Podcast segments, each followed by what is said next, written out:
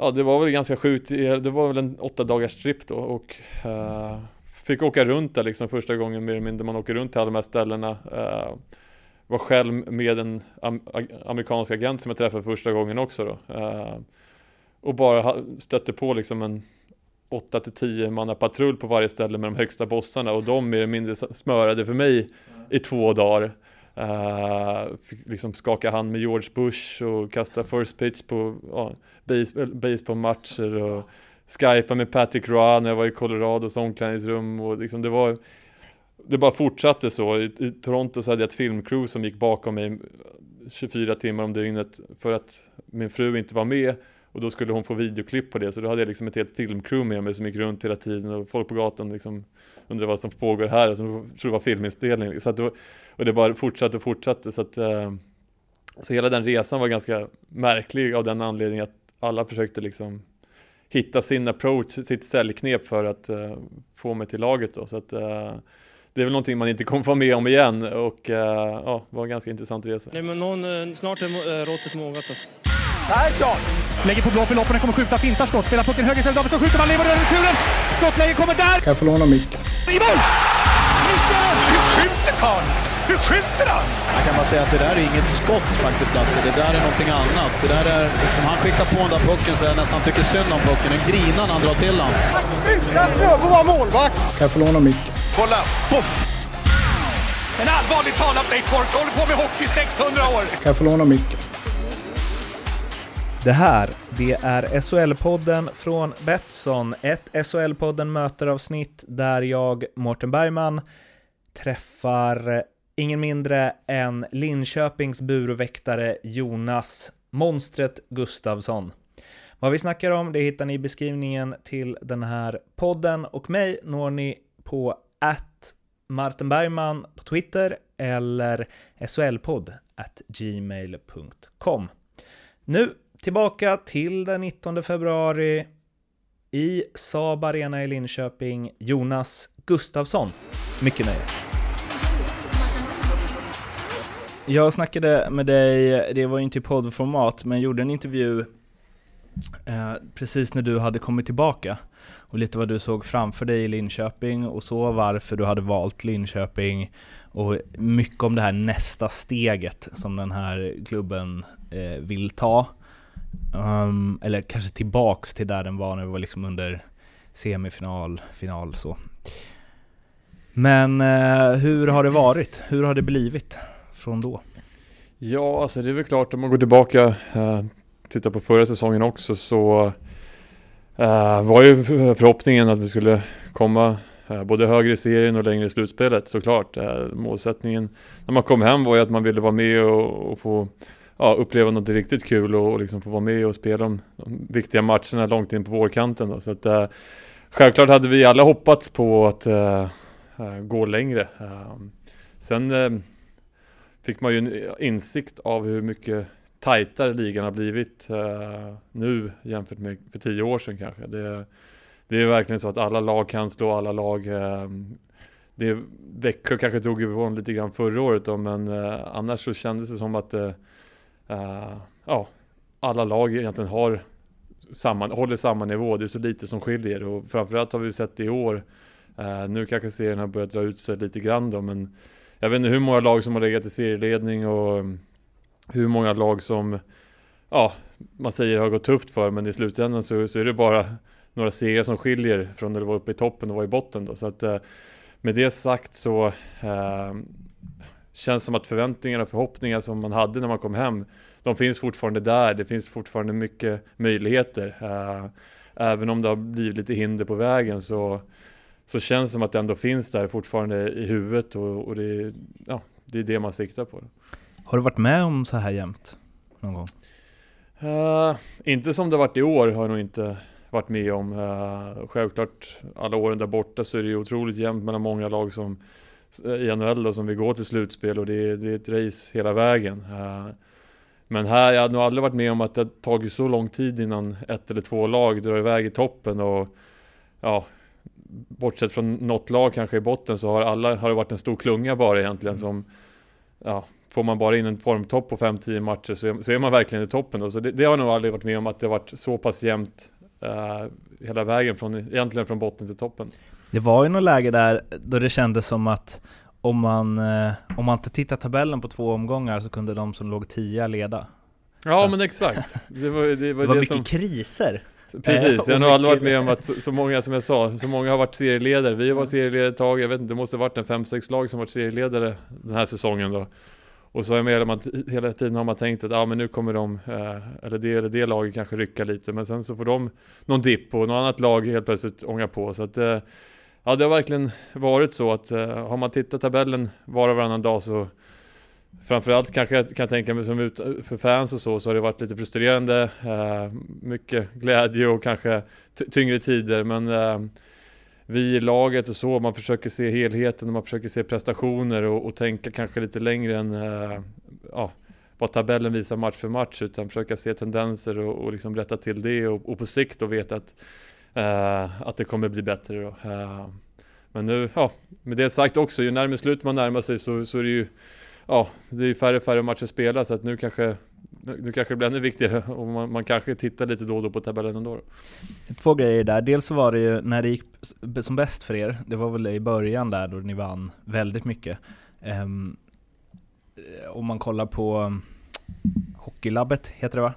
Eh, när de går igenom Corsi och så, så var det hela tiden så här, men Linköping kommer dippa för de har liksom inte siffrorna på sin sida och så vidare. Det har ju förstås ni också koll på huruvida siffrorna hur siffrorna ser ut. Hur snackar man om det i gruppen då? Om så här, nu vinner vi grabbar, men vi kanske inte rent statistiskt gör, vår, gör som vi vill göra. Ja, nej, men självklart så är det någonting som kommer mer och mer. Det ser man ju stor skillnad på också för det var för några år sedan. Då, då hade man inte alls all den här datan och, och, och liksom använda sig av. Då. Eh, jag skulle mer säga att man, man kanske fördjupar sig ännu mer då. Man tittar väldigt mycket på olika situationer och, och vilka situationer man kanske är stark på och vad man kanske måste förbättra. Vare sig det kan vara ja, spel runt mål eller ingångar eller ja, oavsett vad det än är så försöker man hitta ja, vad som är bra och vad som man kan jobba på eh, och på så sätt försöka få de siffrorna att eh, ja, vända till ens fördel. För alla förstår väl kanske att ja, har man mer målchanser emot än vad man har framåt under en hel säsong så kommer det bli tufft eh, och så vidare. Då försöker man hitta sätt så att eh, ja, så man ser vad det kanske beror på och fördjupa sig ännu mer. Och, och det går vi igenom varje dag och det är, det är en färskvara. Det, jobbar man på någonting så brukar det bli bättre men då kanske någonting annat så att man tappar där. Så att det, det är väl som på ett gammalt hus, man försöker snickra på någonting och då är det någonting annat som kanske viker lite, då försöker man fixa till det då. Så det, det, är en pågående process och, och, förhoppningsvis så ska helheten bli bättre och bättre hela tiden. Men på tal om så, små marginaler då mellan liksom fiasko och succé. Alltså, säg att ni skulle formtoppa nu i slutet, så kan, man ju, kan ni helt plötsligt liksom ligga typ trea. Alltså, inte alls orimligt. Eh, å andra sidan så kan man liksom komma nia fast det är två poäng upp till typ sexan. Hur, en match i taget och allt sånt där förstås, men hur utvärderar man det efter en säsong? För att så här, det är en jävla skillnad på att komma sexa och, ni, och nia. Eller sexa och, liksom, sexa och elva. Ja, ja men det, det är som du säger, det är, uh, jag vet inte, teoretiskt sett så finns det säkert en 13 olika positioner vi kan komma på, eller 12 eller 11 eller vad det nu är. Så att, eh, och det är, det är samma sak för alla lag egentligen, nästan. Mm. Så att eh, det är ju svårt, alltså. Man gillar ju inte kanske att prata analyser så här mitt i en säsong.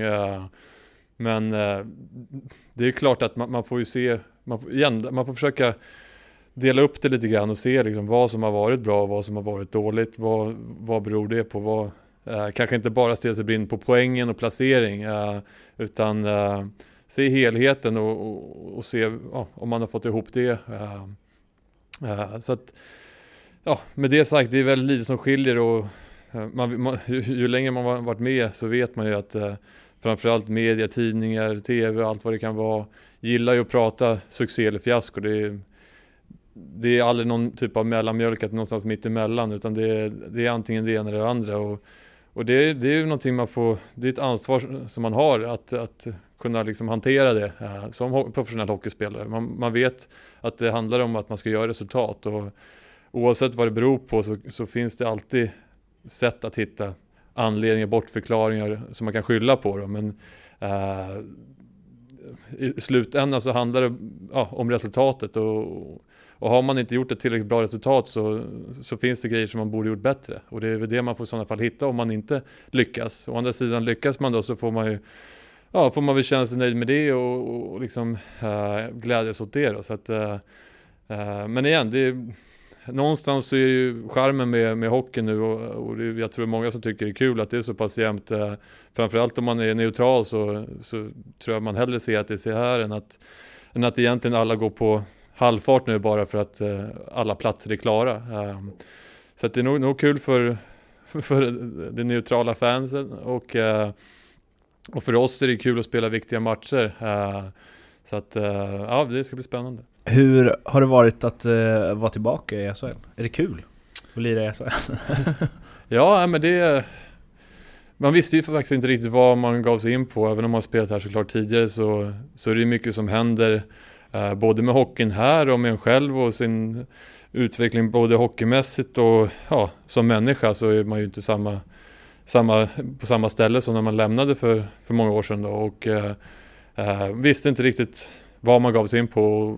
Med det sagt så har jag haft väldigt kul. Eh, det, det har varit utmaningar på olika sätt men i grund och botten så har jag tyckt det var kul att komma till rinken varje dag. Det var kul att träna och försöka bli, bli bättre och, och liksom hitta ett, ett, spel som, som fungerar ehm, på den här nivån och på den här typen av hockeyn. Eh, och det har drivit mig varje dag, men det som kanske driver mig ännu mer är att vara en del av processen med, med laget och med alla yngre och försöka pusha och hjälpa, inte bara mig själv men även även laget och, och, och dela med mig av de erfarenheter som jag har fått och eh, på, på, samma sätt som jag fick eh, mycket hjälp när jag var yngre och kom upp då. Så att, eh, man ser väl karriären och vart man är på ett annat sätt nu kanske. Eh, att man försöker ta ett större ansvar och, eh, och liksom hjälpa till mer än att bara vara på isen och försöka rädda puckarna.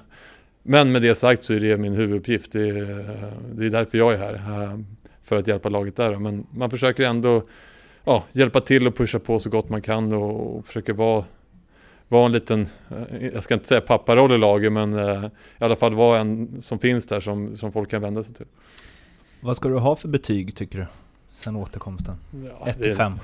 Så, sånt tycker jag är så svårt att säga. Men det, det är så mycket faktorer som spelar in. Eh, självklart hur man själv spelar men även så det ett lagspel. Det är, man är inte en tennisspelare, golfspelare och sånt där utan det det är en helhet som ska få ihop det och, och stundtals har det varit riktigt bra, stundtals har, har man kanske velat ja, skruva och vrida och ändra på lite saker. Och, uh, jag är ute efter att resultatet ska bli så bra som möjligt för laget och, och då krävs det att man själv spelar bra. Och, och förra säsongen så, ja, vi, vi tog oss till slut till en kvartsfinal där det, där det tog stopp uh, och det var ju kanske tidigare än vad jag hade hoppats på. Uh, kan man alltid hitta ursäkter, förklaringar eller vad det nu kan vara. Eh, för egen del så åkte jag på en fem dagars magsjuka mitt uppe i serien där så att tyvärr kunde jag inte vara med och hjälpa till så mycket som jag hade velat och det satte ju lite käppar i hjulen för den säsongen då. Eh, när det annars kändes ganska bra sista delen där. Vi var på uppgång, vi gick vidare från matcherna mot HV och spelade bra där och ja, hade väl 1-1 där mot Djurgården. Uh, så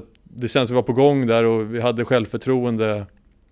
Uh, så det var ett lite trist slut på den säsongen då. Sen ja, tog man sommaren här och sen började den här säsongen på, på ett bra sätt för hela laget tycker jag. Vi, eh, vi hittade ett, eh, ja, ett bra stäm tycker jag. Det funkar, fungerade bra för mig men även för laget och vi hade mycket självförtroende som grupp eh, fick vi lite stämpeln på oss att vi slog underifrån och det utnyttjade vi lite grann i början tror jag att vi kunde spela rätt avslappnat, fick någon seger med oss och, och så körde vi och rullade på på det då. Ehm, sen vet man ju att det, kommer komma motgångar under säsong, eh, både för spelare och för, laget och, så vidare och eh, vi har haft lite perioder vi har fått känna färg. Ehm, vi har haft eh, vi hade en tyngre period, kom tillbaka lite nu och har haft lite tyngre period här igen då.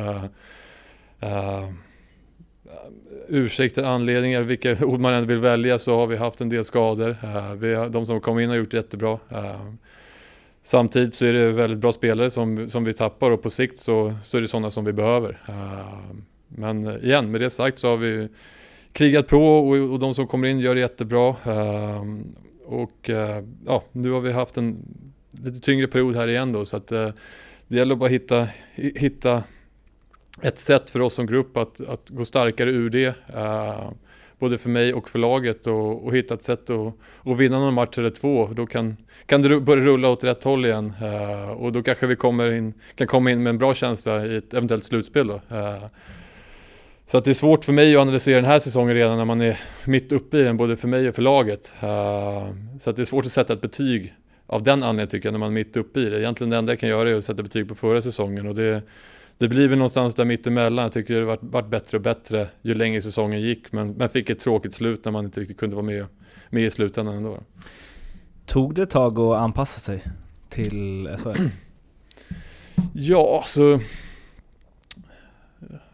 både ja och nej antar jag. Det, jag har ju kommit hem förut och spelat matcher, om det är så VM och sådär, spelat mm. på storink och, och kunnat spela bra. Uh, så att jag vill inte liksom att man ska skylla på någonting om man har någon sämre match när man kommer hem att äh, men det är för att man inte har anpassat sig eller man behöver tid att köra in sig. Det, uh, det är klart att det, det är annorlunda. Det, det går i ett annat tempo. Vissa situationer kanske går snabbare, vissa situationer går långsammare. Um, så man är van kanske någonstans med att skott ska komma från någonstans. Så man, man har en viss timing förinställd i huvudet. Uh, och då är man lite off, man kanske är för snabb eller för, för långsam till en viss situation så, så hamnar man ur rytmen lite grann och då får man göra en enkel räddning svårare. Uh, och det är väl det man försöker, den synken man försöker hitta mer och mer, uh, tajmingen där. Och det känns det som att det blir bättre och bättre. Så att, det tog väl lite, lite, lite, tid att komma in i det, men uh, ja, med det sagt så så känns det som att det, det är ingenting som jag, jag, tycker var jätte, jättestor. Det känns som att man ändå hade förutsättningar att spela bra hockey redan från början. Uh, men uh, ja, det gick ju bättre och bättre under förra säsongen så det, det var väl lite inkörningsperiod ändå. Mm, du har nästa år också? Här, jag har ett plusår kvar, så det är väl ett optionsår om man kallar det. Uh, okay. snyggt, så att, och det är från båda håll, eller hur? Funkar ja, precis. Ja. precis. Um, och så här för, är det förutbestämda att här, om båda vill så är allt redan skrivet? Eller ja, jag kommer inte ihåg exakt hur det står men det är väl något, något datum uh, som, om ingen skulle ja, ändra på något innan dess då, så antar jag att det flyter på ett år till då. Mm. Uh, så det är väl uh, det är så det ser ut. Och du tänker att du ska vara kvar eller?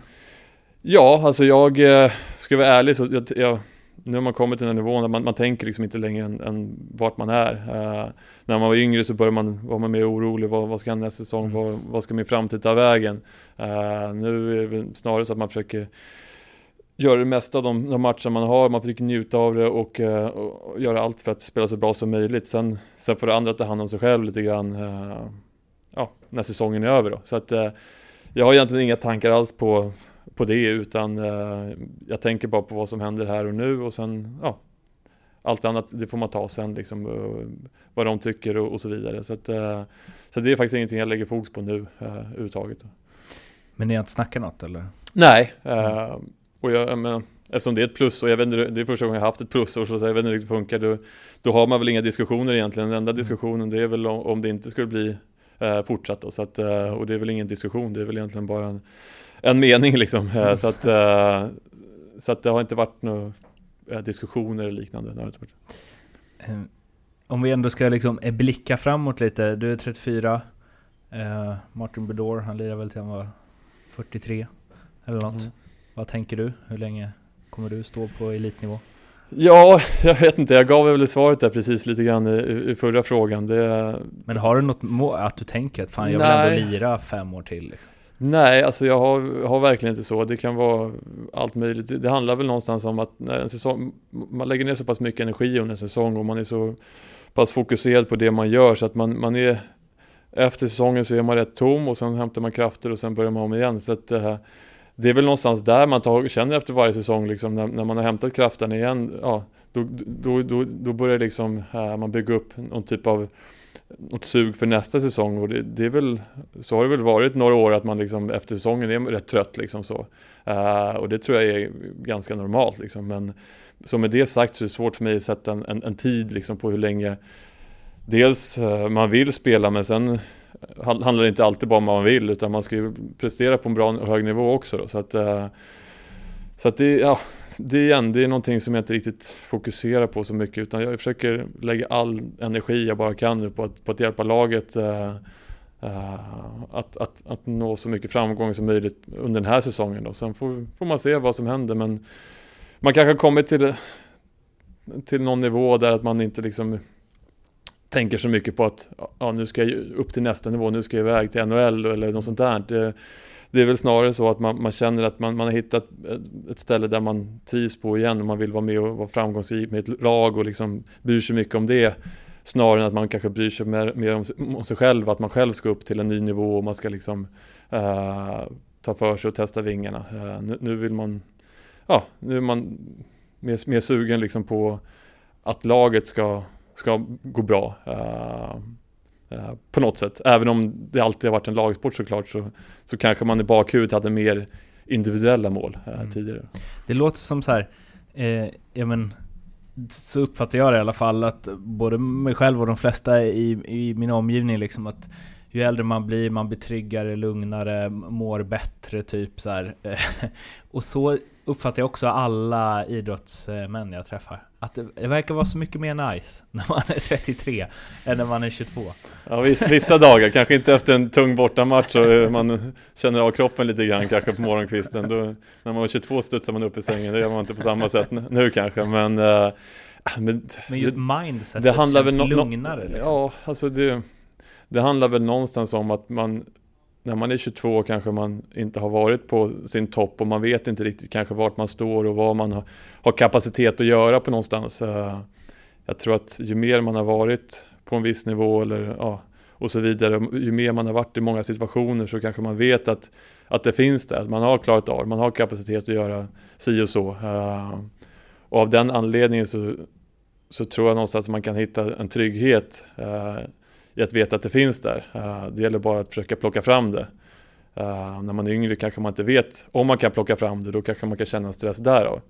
Men med det sagt så, så kommer det inte av sig själv var, varje, varje match, varje tillfälle att man, man kommer stå på huvudet på något sätt. Men man vet någonstans att det finns där och det handlar bara om att plocka fram det. Eh, och det är väl det som kanske kan bli svårare å andra sidan ju äldre man blir att, att hitta den där knappen. Jag menar, om, om någonting, om, om det är mycket som, som blir enklare när man blir äldre så är det väl det enda som kan, kanske någonstans blir svårare att, att hitta den där knappen i alla situationer. Jag menar, första året man kom över till NHL, första två åren kanske, man kom till nya städer, mötte ett lag för första gången, mm. ny spelare för första gången. Det var liksom, man behövde knappt värma upp innan matchen för man hade mycket adrenalin. Sen mm.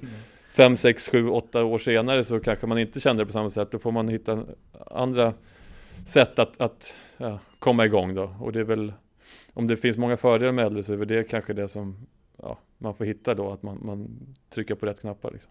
Det tänker jag kring typ så här Ja men eh, Tony till exempel som eh, gick till Almtuna inför den här säsongen och han ligger väl tre eller något i poängligan i Det tänker jag att när han har varit liksom Han har varit överallt annars Att han Visst, det är klart att han hade spelat på så hög nivå som möjligt om man hade liksom kunnat det. Men, eh, men jag tror ändå att han, att man kan hitta inspiration i det. Att han bara oh, Tingsryd borta så här. Det var 20 år sedan sist. Alltså, om man, om man fortfarande brinner för hockeyn. Ja, absolut. Alltså, så är det ju, någonstans så är det ju det är ju leken hockey vi alla startade med eh, mm. från början när man var liten och det är fortfarande den man någonstans tycker är kul också. Eh, sen tävlingsinstinkten tror jag nästan alla på den här nivån har, annars hade man inte tagit sig hit. Eh, så den finns ju också någonstans naturligt. Eh, sen självklart så är det ju, om man tänker på hans del då, nu tog du Tingsryd borta som exempel, men det, det är väl ganska nya situationer för han också, mm. som inte var där på ett tag, så det är klart att det, det kan vara spännande. Sen kanske han också känner en motivation att visa liksom att, uh, att, han fortfarande kan leverera och producera på en hög nivå. Han kanske kände att han, han hade lite mer i sig än vad han fick ut uh, förra året här. Um, man såg ju det, inte bara på match med och träning, hur mycket skicklighet han har fortfarande i sig. Och han kanske känner motivation att få ut och visa det också. Uh, samtidigt som jag är ganska säker på att han känner ett stort ansvar för gruppen där också. Att han, han känner liksom lite det jag var inne på, att han vill han vill nog hjälpa laget där och, och hjälpa de yngre och, och, och kanske visa eh, vilket proffs han är utanför och på isen och, och när, när han gör det och alla de sakerna rätt så, så den skickligheten han har kommer visa sig. Så att, eh, jag är faktiskt inte förvånad att han, ja, att han har levererat så pass bra där. Eh, eh, så att, eh, det är bara kul att, att han får ut det. Vi ska eh, gå till de frågor som jag kör med eh, alla. Förutom Foppa Sudden Lidas. Sveriges bästa spelare genom alla tider. Oh, den är svår. Det här är alltid kul med målvakter att se om de liksom... Ja, man är sugen på att ta en målvakt ja, exakt. Jag vet inte om man får göra det om det är för enkelt. Förutom Foppa Sudden Lidas. Alltså. Alltså det är svårt att inte, även om inte jag kanske såg honom spela så mycket, men eftersom han spelade själv i Toronto och var där och såg hur stor Börje Salming fortfarande är där, så är det nog svårt att inte ha med honom i ett sådant sammanhang. Eh, dock så är det ju svårt att nämna honom för mig, som jag själv inte såg han spela. Eh, så att eh, jag antar att han är där. Men eh, för egen del så blir det väldigt svårt att plocka ut honom av den anledningen då. Eh, hur var det att uppleva, eller hur stor är han i Toronto? Ja, jättestor. Men det han, han och Sundin är hur pass stora som helst. Det, det, spelar ingen roll om man hoppar in i en, någon, någon gammal taxibil där som någon, någon indier körde. Så han kunde ingenting om var Sverige låg eh, på kartan geografiskt eller något sånt där. Han kunde ingenting om hockey, man visste vem Sudden och, och Salming var. Så att, okay. Eh, och det, det spelar ingen roll om det var han eller om det var en 85-årig gammal tant mm. eller om det var, ja, alla visste vem, vilka de var och hur mycket de betydde för stan. Så att, mm. uh, otroligt stora ska jag säga att de är där.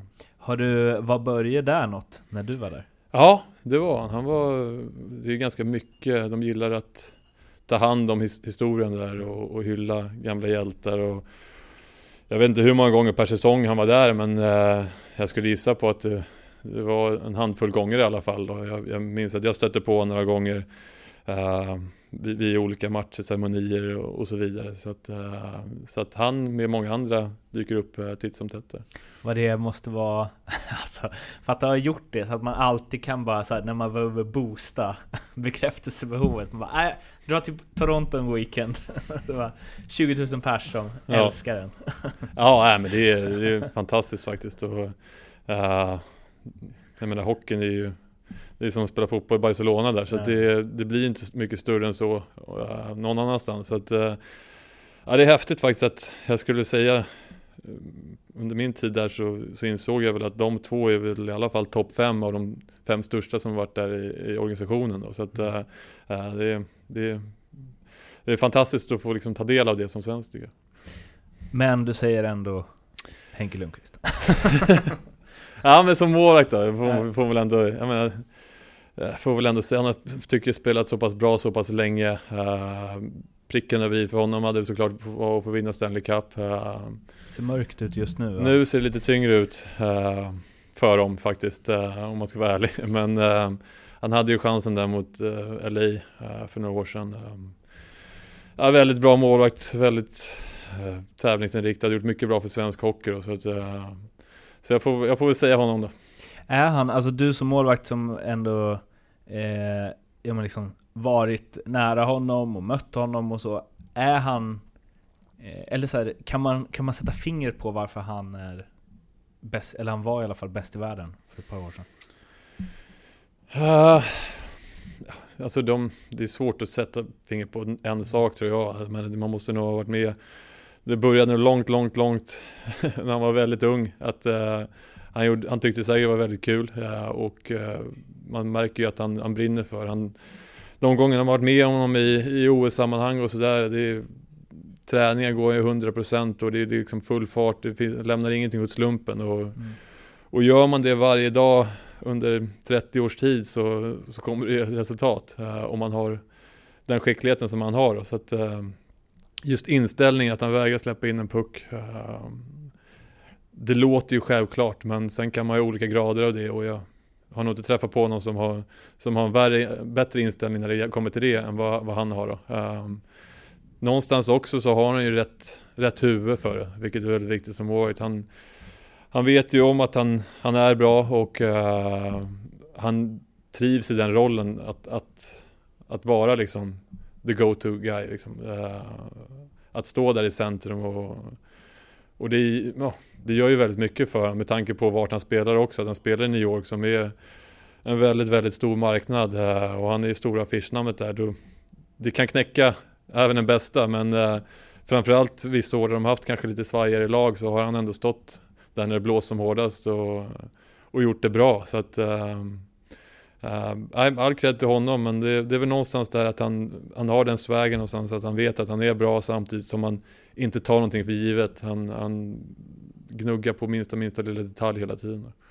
Var du eh, backup till honom OS? Eller? Ja, 2010 var jag med och åkte 14 där då. Ja, exakt. Eh, alltså, för där någonstans, där du ändå liksom är, eh, ja men, eh, liksom spelar hyfsat regelbundet i NHL. Eh, kan, kan du ändå, fan det är så svårt för du säger så här, han kämpar liksom hårdast av alla på varje puck och bla bla. Men när du, när du spelar med honom varje dag så på träning, känner du så här, ja, han är bättre än mig? Alltså, man, tänk, man tänker inte så. Alltså, man vet ju om vilken status han har och vilken typ av målvakt det är. Men samtidigt så, så tänker man inte så snarare. Man tänker snarare att äh, idag ska jag vara bättre än han. Liksom. Mm. Uh, och han någonstans sätter standarden, sätter ribban på, på träningen eller på matchen man spelar mot honom. Liksom att äh, idag är det den nivån som krävs. Uh, så att det är väl snarare så i alla fall jag har tänkt när man möter, möter honom, inte liksom att ja, han är bättre än vad jag är. Uh, uh, det får ju andra bedöma liksom eh, någonstans. Ehm, det är väl den, det mindsetet jag har. Sen är det såklart att jag vet att han, han är en större målvakt, haft en större karriär än vad jag har haft och det är ingenting jag skäms över på något sätt så. men just för stunden när man är med honom eller man spelar mot honom så, så är det snarare så att det, det är tändvätskan att man vill liksom ja, i alla fall för, för kvällen vill man, eller för dagen, för stunden vill man vara den bättre målvakten. Mm. Det var väl eh, Mats Zuccarello tror jag som berättade i typ Skavlan eller något att han helst, att han, han pratar inte med Henrik på matchdag. Mm. För att, eh, hur är det att vara andra keeper liksom? Med honom? Uh, nu har inte det varit jättemycket. Jag tror man mer märker av det på en säsong så. I OS är det ganska intensivt, det är mycket som händer ändå då, så att man får inte riktigt den där samma känsla kanske som man har med en kollega man har dagligen under en hel säsong då. Men äh, jag brukar väl i allmänhet försöka låta den andra målvakten vara så pass mycket som möjligt. Om man inte själv känner av att det är en målvakt som vill snacka och flabba och, liksom, och att han blir kanske ja, känner sig avslappnad av den anledningen då. Men under min karriär så har jag inte stött på så många sådana utan de flesta kör sitt race någonstans under en matchdag. Eh, kanske korta konversationer men inte så mycket att man, man snackar om allt möjligt liksom, utan det, man håller ganska kort och man låter dem göra sitt och, och respekterar det någonstans. Har du varit eh, med någon målvaktspartner som eh, är så som man tänker att målvakter inte är? Som bara helt så här, man märker inte att det är matchdag?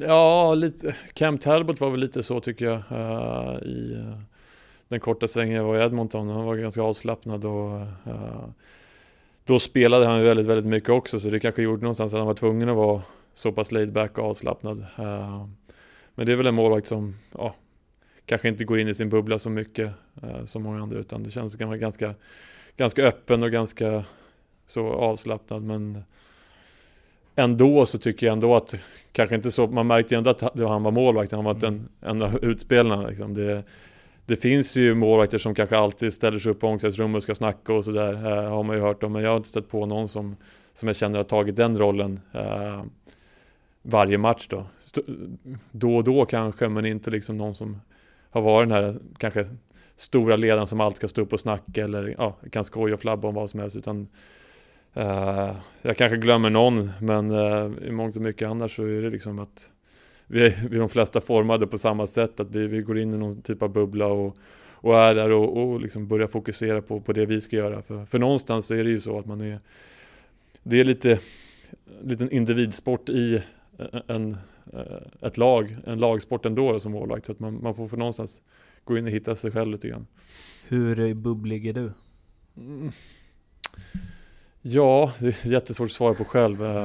Jag skulle vilja säga att jag är frågar min fru så är man jag är nog ganska mycket i bubblan för att jag är ganska disträ och kanske hon nämner saker som jag ja, säger ja till, sen har jag ingen aning om vad jag pratat om lite grann. uh, men på hallen försöker jag vara ganska avslappnad ja, fram tills jag börjar byta om egentligen i alla fall. Då. Så att, fram tills någon, någon timme innan match så försöker jag vara ganska avslappnad och öppen och ja, sådär då. Men eh, det är väl någonstans där jag brukar försöka vrida på det. Och det är väl någonting man kanske har lyckats lite bättre, bättre med senare på karriären, att man har hoppat in i den där bubblan lite senare. Uh, jag kommer ihåg, för tio år sedan kanske man kunde sitta dagen innan redan och liksom börja ladda upp med musik och allt vad det kunde vara liksom. Men någonstans har man lärt sig att det, då är man rätt tom i tanken när matchen väl börjar för man har ja, gjort av med all energi istället. Vad, vad var det för musik? Nej, det, jag vet inte, det var inget speciellt så, men mer att man, att man bara... Techno dagen innan? Nej, men jag menar mer, kanske inte just musik, men mer att man började liksom tänka på matchen, att den låg i huvudet hela tiden istället för de vardagliga sakerna. Mm. för det är där jag menar, vad är den där bubblan? Vad händer där? Ja, men det är väl någonstans att du börjar fokusera och du bara har, har matchen någonstans, vad som komma skall i huvudet. Så att om någon börjar prata med dig så, du kanske hör vad han säger, men någonstans så så, går, så är du inne i vad som ska hända så att du, du kan liksom inte ta åt dig det på samma sätt som du gör normalt sett. Um, I alla fall, det är väl för mig i den bubblan att man, man kanske har vissa rutiner man brukar göra, då, så man gör dem för att börja liksom ja, någonstans mentalt ställa sig in på att, att man ska vara så pass närvarande för stunden uh, som man kan. Uh, för börjar man prata, liksom är man överallt och börjar tänka på allt annat så, så kanske man inte är riktigt här och nu och det är det som är så pass viktigt. Uh, att man verkligen, all energi ligger på vad man gör för sekunden, inte för vad som ska hända om, om en timme liksom. Förutom eh, Gretzky och Lemieux, världens bästa spelare genom tiderna? Din bok? Uh, förutom Gretzky och Lemieux uh, Igen, då måste man ju ta spelare man har spelat mot eller med, men jag skulle vilja säga Crosby. Om det hade funnits en tidsmaskin och du hade kunnat åka tillbaka idag till 1990, hade du varit första målvakt i alla NHL-lag då? Om jag hade haft samma utbildning, samma, samma teknik, utrustning. samma uh, utru utrustning så hade jag nog varit det i kanske alla utom fem lag skulle jag säga. Vad har vi där? Patrick Roy? Brodeur, ja men det finns några stycken som jag, jag har svårt att säga att jag skulle vara, vara före men uh, det har hänt så pass mycket och vi har haft fördelen att ha så pass mycket bredare utbildning än vad, vad de fick ha då. Uh, så med det sagt så, så, är det inte att man tar någonting ifrån från dem utan det är snarare så att uh, ja, som jag säger, utveckling och skydd och allt möjligt har gått framåt. Så att, så att det är snarare fantastiskt att någon målvakt skulle kunna vara bättre än för, mm. för så många år sedan då. Um, Men hur hade det varit om du hade fått de skydden på dig tror du? Då är det bara, nu, det idag? Bara, det är bara att skjuta isare. Hade, hade jag haft deras skydd idag och den utbildningen de har fått så hade jag nog, med min talang hade jag nog inte spelat högre än division 1 nivå tror jag. uh, så att, uh, det, är, det är klart att det har hänt väldigt mycket, så är det. Uh, så att, men det är väl det som är, är meningen också, att, att hockeyn ska utvecklas och bli bättre. Om du får tänka helt fritt, vilken regeländring, hur galen den än må vara, hade du velat testa inom hockeyn? Då hade jag velat testa att man inte får skicka pucken över hela banan när man har boxplay. Att det skulle bli icing då, mm. och man inte får byta. Mm. För då tror jag att det skulle bli väldigt mycket mer mål i powerplay. Uh, man skulle behöva spela sig ut ur zon även när man är trött. Uh, och det kanske skulle generera även, även mer utvisningar. Uh, så att, eh, och det betyder att man skulle behöva passa sig ännu mer för att ta utvisningar för att då kanske procenten skulle gå från 20 till, till 30, vad vet jag, och då skulle det, det kanske öppnas upp ännu mer. Eh, man skulle vara rädd för att haka eller göra fel saker under matcherna då. Så att, ja, jag försöka göra så att det straffas ännu mer att, att dra på sig en utvisning genom att ja, inte få byta. Jag tror att då skulle det kunna ha du skulle kunna ha samma, samma fyra ute på isen i, i, två minuter många gånger då och det skulle sätta avtryck på resten av matchen också. Så att, uh, ja. Det skulle också bli hårdvaluta med sådana som är duktiga på, du vet, lobba den högt och ja, så landar precis. den på bortre blå. Precis. Uh, det är en underskattad skill. Ja, nej, men det är försöka träffa jumbotronen och sånt uh, Nej men så att det det är väl någonting jag skulle tycka var spännande att prova på faktiskt i alla fall och, och se. Uh, det är kanske lite motsägelsefullt som målvakt för man skulle själv stå på, ja, ha lite trötta ben emellanåt då. Men uh, det är väl någonting de kan införa om en 5-6 år när man är lite äldre själv. Den bästa spelaren som du spelat med, och då inte utifrån den som blev bäst eller har fetast CV nödvändigtvis, utan den som du där och då tycker är den bästa du spelat i samma lag som? Ja. Det är svårt att inte ta McDavid uh, när han ändå vann poängligan det året i NHL. Uh, ehm, sen, är det, ja, Detroit så Datsuk tycker jag var fantastiskt bra också, så att det, det det är väldigt svårt att säga någonting men, men just då var ju eh, McDavid bäst i hela NHL tycker jag så, att, eh, så får säga han det. Var det hans andra år? Det var hans andra år ja. Mm. Det var väl första gången tror jag han vann poängligan. Var Eller var det hans tredje år kanske? Men det var också hans första hela säsong ju. För första Jag låter det vara osagt om det var hans, jag tror att det var hans andra säsong ja. Mm. Um, utifrån samma kriterier, den bästa du mött? Ja, får se Sidney Crosby ändå.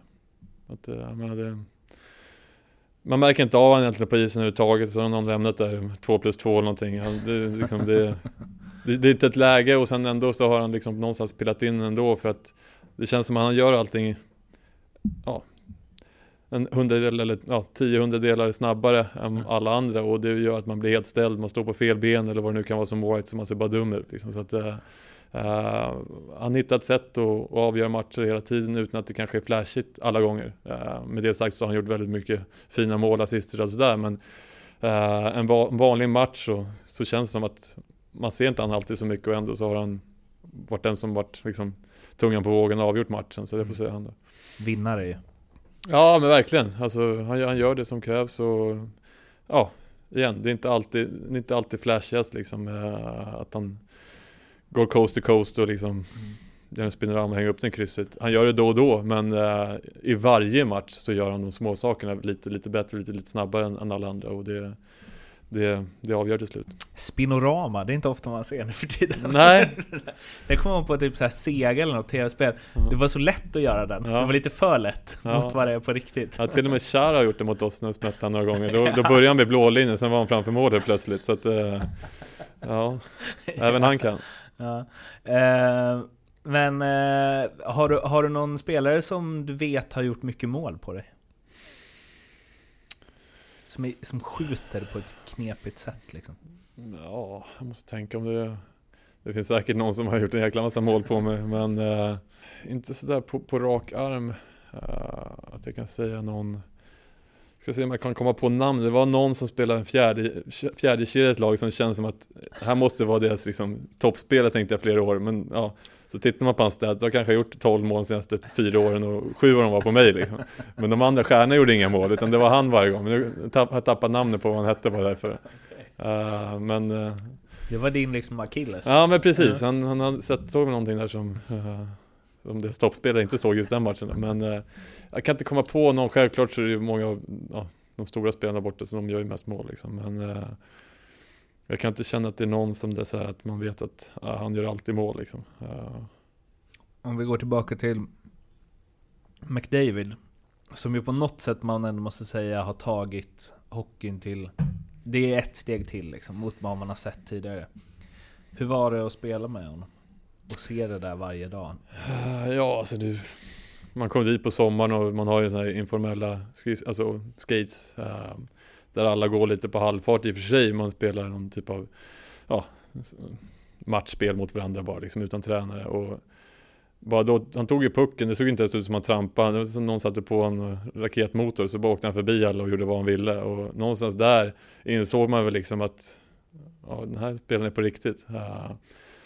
så att det kändes som att var när han var på banan, fick han bara pucken så kunde han trampa runt och åka längs kanten. Sen helt plötsligt var det i deras zoner och var farligt på en gång. Så att, så att offensivt så, så vart han ju liksom som ett hot hela, hela, hela tiden. Så att, uh, uh, nu kommer jag inte ihåg vad frågan var. Jag började bara prata om Nej, honom. men bara så här hur det var att vara så nära honom. Han kommer ju förmodligen bli, ja, alltså Ja. I nutid kommer han ju bli den bästa någonsin ja. om han inte skadar sig. Ja, nej men han har, det är ju farten, alltså det är, det är det som är hans spel. Han, han åker runt 80% 70% fart hela tiden vilket är alla andras maxfart. Och jag menar, tar man vem som helst, om han får åka 70% och behandla pucken så är det ganska enkelt för honom. Men när han ska göra allting i maxfart så blir det lite svårare. Mm. Och det är samma sak för han, han åker och behandlar puck- pucken 70% lika snabbt som alla andra åker när de ja, har tungan nere i isen.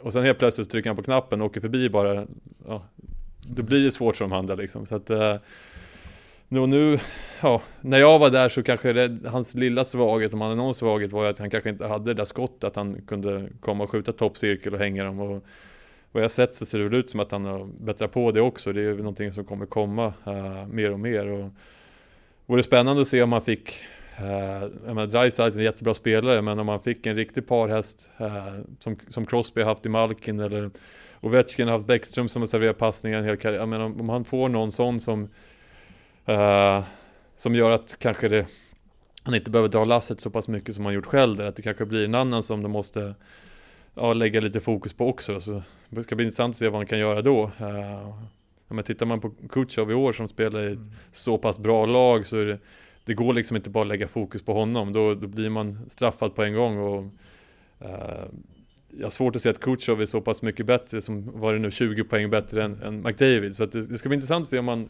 om de får ihop det i Edmonton och liksom kan, kan ställa ett bra lag uh, på isen runt omkring han också och se vad han kan göra då. Hur är han som person? Alltså, när jag var där så var det verkligen så att man inte det här liksom superstjärna-tendenserna på något sätt, att man kan vara lite liksom Ja, att man sitter uppe eh, på någon stol liksom och, och tittar ner på någon, utan det är verkligen jordnära. Um, enkel att göra med, snacka med allt och alla liksom och känner inte att han måste liksom ta plats genom att på något sätt framhäva sig själv, utan eh, han låter det tala på isen bara. Och jag vet inte hur många gånger jag såg honom, man kom, man kom fram sent till något hotell efter någon match, och vid, två, tre på morgonen och ja, det står liksom, jag vet inte hur många personer står och väntar på honom där, autografer och ja. Inget fel med det, men man har sett väldigt många spelare som bara går rätt in i hotellet utan att liksom skriva på där. Men han står varje, varje kväll, står han skriver till allt, alla tar bilder och trevlig och liksom och, Så att uh, väldigt ja, jordnära och, och, bra person så som ja, tar sig tid uh, till allt och alla egentligen. Du, lite snabbt bara, Edmonton, nu var ju inte du där jättelänge. Men eh, vad, vad, är det med den? De, det spelar ingen roll hur många första draftval de får. Ja, nej, det är klart de har haft det tufft alltså. Det, det har varit så under, jag vet inte hur länge det har pågått då, men det har varit så från när jag kom dit. Och det var väl tio år sedan jag gjorde mina första matcher där borta. Så att, eh, alltså det det är svårt att svara på tycker jag. Det är, självklart så lockar inte staden Edmonton om man ska vara ärlig. Det är, får man välja en stad var man vill bo i Nordamerika så är det inte många som tror jag väljer Edmonton som första val. Mm. Så det, det talar ju direkt emot dem. Um, Just organisationen, det måste, de, det måste ju skötas dåligt. Ja, men det är väl någonstans där att man inte har fått in uh, mentaliteten, kulturen. På, alltså, visst, det är klart det fanns tidigare när, när, när Messier och alla de där fanns. Men Uh, jag gissar ju på att det inte varit en, en kärngrupp som har liksom satt standarden någonstans på vad som krävs för att vinna. Uh, det var ju någonting man märkte direkt när man kom till Detroit, man kom till Boston. Uh, kärnspelarna där, uh, Zetterberg, Datsuk eh, och så vidare, eller Bergeron och Chara. Men, det är någonstans ryggraden i laget och den fanns väl inte på samma sätt när jag var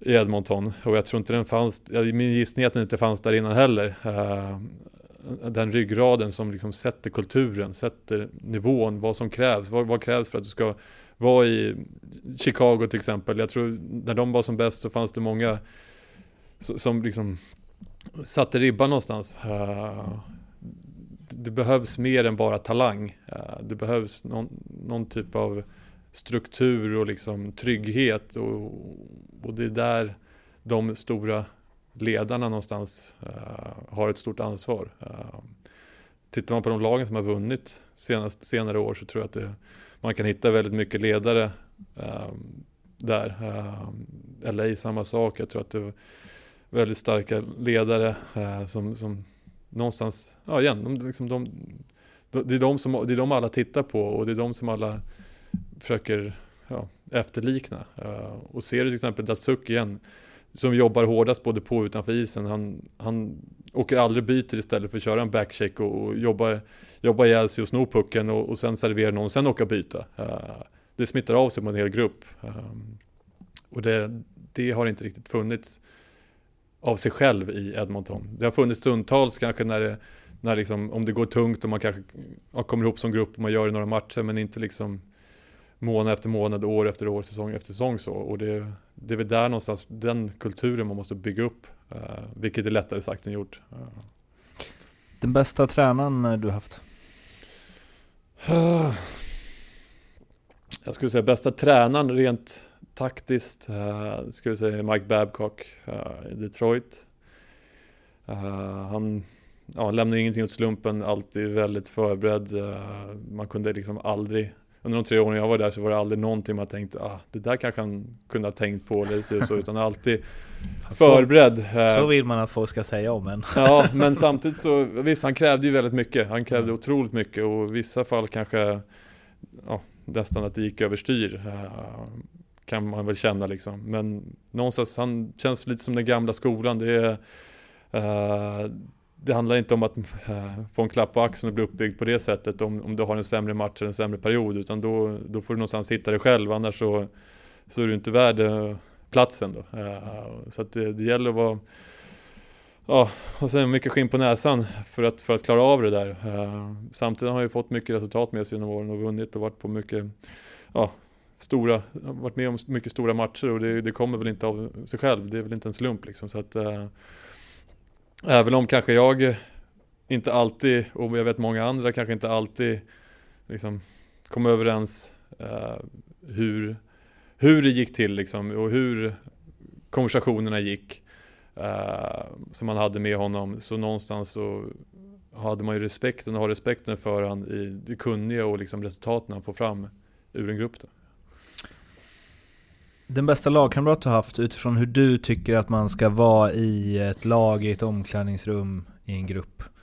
Lite så här, om du hade fått ta ut ditt dream team, vem hade varit kapten? Oj, det är ju väldigt svårt. Alltså det, man har ju haft så mycket bra, alltså, i grund och botten så är ju, är ju liksom alla hockeygrabbar är stöpta på samma sätt känns det som. Och det är ju det är väldigt bra gubbar allihopa. Eh,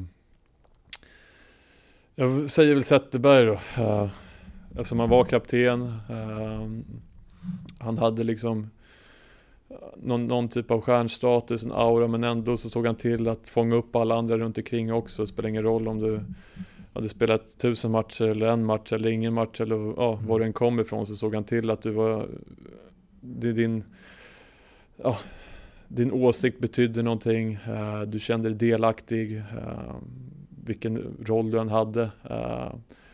Kunde även slappna av och liksom vara släppa hockeyn och vara en skön, skön människa också liksom eh, utanför. Eh, ibland kan det bli att det kanske bara blir hockey, hockey, hockey liksom man inte hittar det där även vid sidan om. Men eh, väldigt skön människa att ha att göra med även vid sidan om. Så att, eh, var väl verkligen liksom påkopplad vid rätt lägen och, och kunde koppla av och liksom eh, Ja igen, eh, var bara en skön person att ha att göra med och, och någonstans trygg människa. Uh, så att uh, om jag, mellan många att välja på då, om man ska välja en så säger han det. Han verkar så snäll.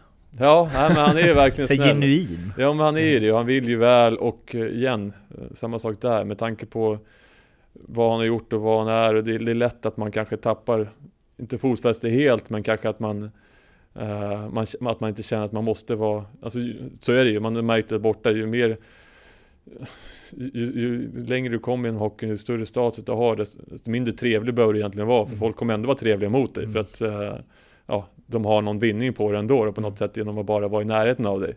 Så att det, om man vill så kan man ju liksom ta den rollen och, och egentligen skita i allt och alla. Uh, men det är, det är verkligen inte han, och man märker liksom att han, ja, han är en genuin bra människa. Uh, inte bara en bra ledare och liksom kaptenen och bra spelare utan uh, ja, väldigt skön kille att ha att göra med. Liksom. Och en jävligt bra hockeyspelare var han. Ja, absolut. Uh, det var han verkligen. Få som är bäst åt båda håll, typ varje match. ja, det är väl Datsuk då som är, man kan jämföra med och de, när de var parhästar här så, så känns det ganska tryggt att, att stå där. Det känns som man hade tre, fyra backar framför sig varje match. Så att, eh, eh, ja, det är det som krävs. Har du blivit starstruck inom hockey någon gång? Ja, det har man blivit, absolut. Så Framförallt, alltså om man är bortser från när man var yngre och kanske om man var en liten knodd så vart man ju det varje gång man såg en A-lagsspelare. Men även på seniornivå så, jag menar, när man kom över, alltså när man kom upp i elitserien som det hette då så var ju det häftigt liksom. Man bara sett spelare på TV. Uh, samma sak när man, kanske ännu mer när man kom över till NHL då i början så var det ju verkligen Mött, alltså, när man var liten så hade man till exempel Selene hade man ju hockeykort liksom, så helt plötsligt spelar man mot honom liksom. Eh, Det är klart man tycker att det någonstans är häftigt. Eh, Jager, allt vad de heter liksom. Som hade varit med väldigt länge. Eh, Han du njuta av det? Han du så här, shit jag, ändå jag möter ändå Det de var här väl efter nu. matcherna. Eh, under matcherna var det någon typ av extas, eufori, alltså jag vet inte vad man ska säga men det var ju, det var liksom som någon, någon kick man hade bara. Som man, man, nästan så att man inte kommer ihåg så mycket efter Mm. matcherna för att det var så pass nytt och så pass häftigt och liksom kändes så pass stort någonstans. eh, så man, man är bara där och då. eh, så på ett sätt njuter man väl av det men det är inte så att man, man lutar sig tillbaka och njuter av det utan man njuter av utmaningen att man är där och man verkligen någonstans spelar mot världens bästa spelare Mm. eh, för stunden. Det, det är väl det man njuter av. Hur väl kommer du ihåg din första NHL-match? Uh, jo, jag kommer ihåg den ganska väl skulle jag säga. Jag kommer väl ihåg resultat och liksom sådär. Jag kommer Eh, ihåg känslorna liksom? Ja, vi var borta mot Washington. eh, och uh, Toskala startade matchen. De hade ett hyfsat lag då eh, också. eh, även om det var lite formerat på annat sätt. Kanske mer offensivt än vad det är nu. Inte lika bra defensivt. Men deras pow- powerplay var helt fruktansvärt bra. Eh, så det, det, ja, det ringde några gånger där så då var det bara att göra sig beredd eh, och hoppa in i Verizon Center. Helt rött, helt fullt på läktaren och de, ja, de hade inte förlorat så många matcher och liksom hela publiken var helt galen då. Så ska man hoppa in där om man inte riktigt visste vart man stod. För jag var skadad ganska mycket på training campen också så jag fick inte så många matcher. Eh, Det var då jag fick lite hjärtproblem och lite sånt där. Så att man inte, man var inte helt varm i kläderna. Eh, Så kunde man hoppa in där mot kanske det mest offensiva laget i hela ligan då. Så det, men då, ja, det var Jeff Finger kom fram direkt och sa bara Vi ligger under med 3-0 eh, Det är ingen som förväntar sig att vi ska vinna matchen Mer eller mindre bara ha kul liksom Så då någonstans såg jag det så liksom att ja Du får gå som det går, ha kul och, och spela och Jag spelade väl två perioder, jag tror de vann till slut med 6-3 eller något sånt där Så att eh, det gick väl okej för egen del 3-3 alltså? och så, ja, det var 3-3 då för min egen del. Uh, um, nej, men det var, så det var ju häftigt såklart. Och, uh, det var, man tänkte väl där någonstans första sekunderna liksom, när man stod på isen där att ah, men nu spelar jag NHL. Liksom. Då någonstans slog det ju igen att man hade tagit sig dit. Uh, så det var ju en häftig känsla liksom bara. Även, om Ja, man, även om man blir skadad nu eller vad som än händer så har jag, nu har jag spelat i NHL liksom. Uh, så det var ju en häftig känsla. Det är så jävla nice att du eh, verkligen uppskattade det. För ibland kan man känna att så här, folk bara Nej men det är bara naturliga nästa steg. Alltså, man vill, alla vi som inte spelat i NHL vill ju att ni som gjort det ska tycka att det är häftigt.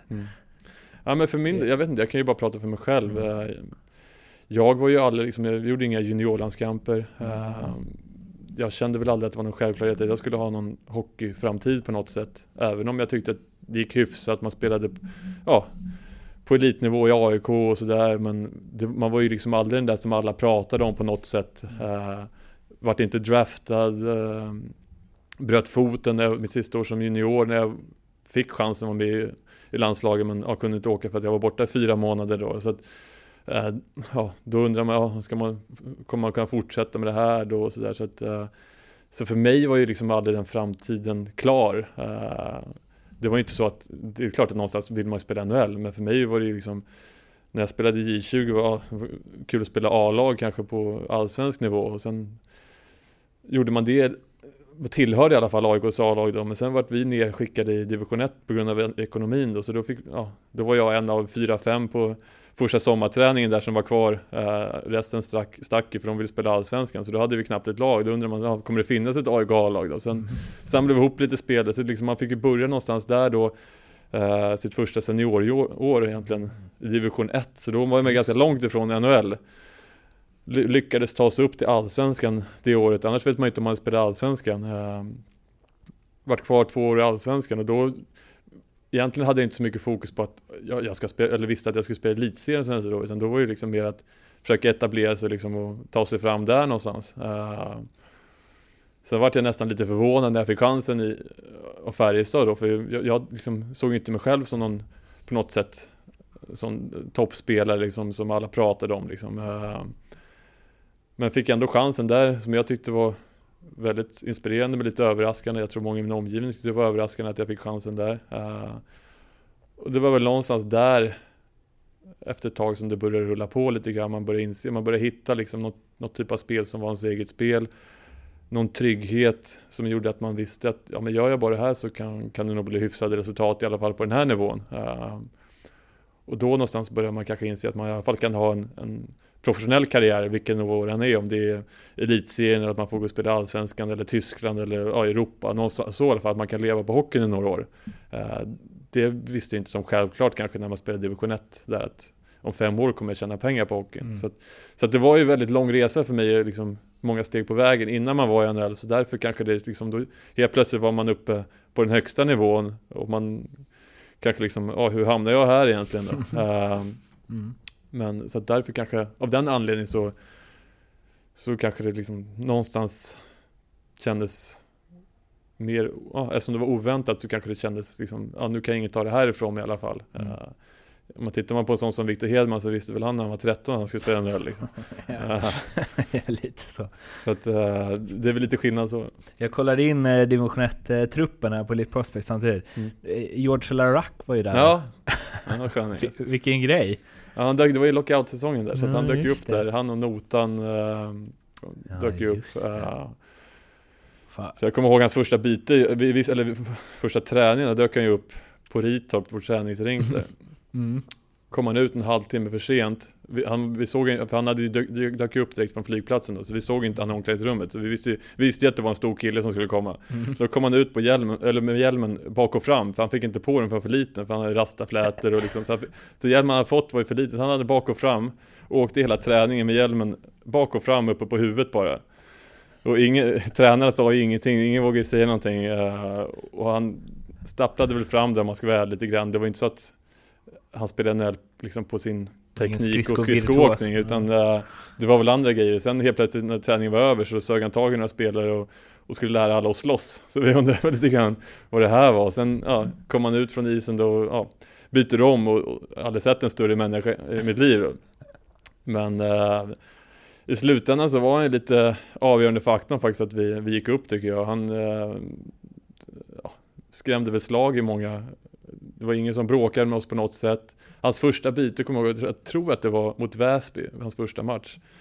Och det var ju lite seriefinal, vi var vi, de, var vi och Väsby som skulle få spela vidare i nästa serie då. Jag tror han tacklade ner två gubbar i samma byte, en bakom ena mål och en bakom andra mål och jag tror båda låg kvar på isen. Utan att det var någon ful utvisning på något sätt och, och hela publiken gick igång på det då, så att där någonstans började ju den den sagan med honom. Uh, slutändan gjorde han lite mål och liksom var fantastisk på att täcka puck och sånt. Så att, uh, han var ju en viktig spelare, men det var ju framförallt en väldig karaktär. Uh, Kommer ihåg han berättade, han gick runt på stan med 500 lappar i fickorna. För oss, det var ju vad vi hade i månadslön liksom. Han gick runt med 500 lappar och frågade taxibilar om, om om, ja, vart ligger ja, Dramaten säger vi till exempel. Ja men det ligger ner där. Ja, då gav han en 500 till taxichaffisen så gick han vidare bara utan att åka med bara. Eh, och det var ju liksom något nytt för oss att ja, börja sätta upp pengar på tavlan som är liksom kanske det man gör lite i Nordamerika och sånt där. Och vi fattar ju ingenting liksom. Det här är ju, ja det är så mycket som, gör man avgörande mål här då tjänar man ju mer på det än, än hela månadslönen. Så det var ju liksom väldigt mycket ny, ny krydda han kom in med. Uh, och, men uh, ja, en härlig karaktär helt enkelt. Han gjorde ju 11 mål på 13 matcher ändå.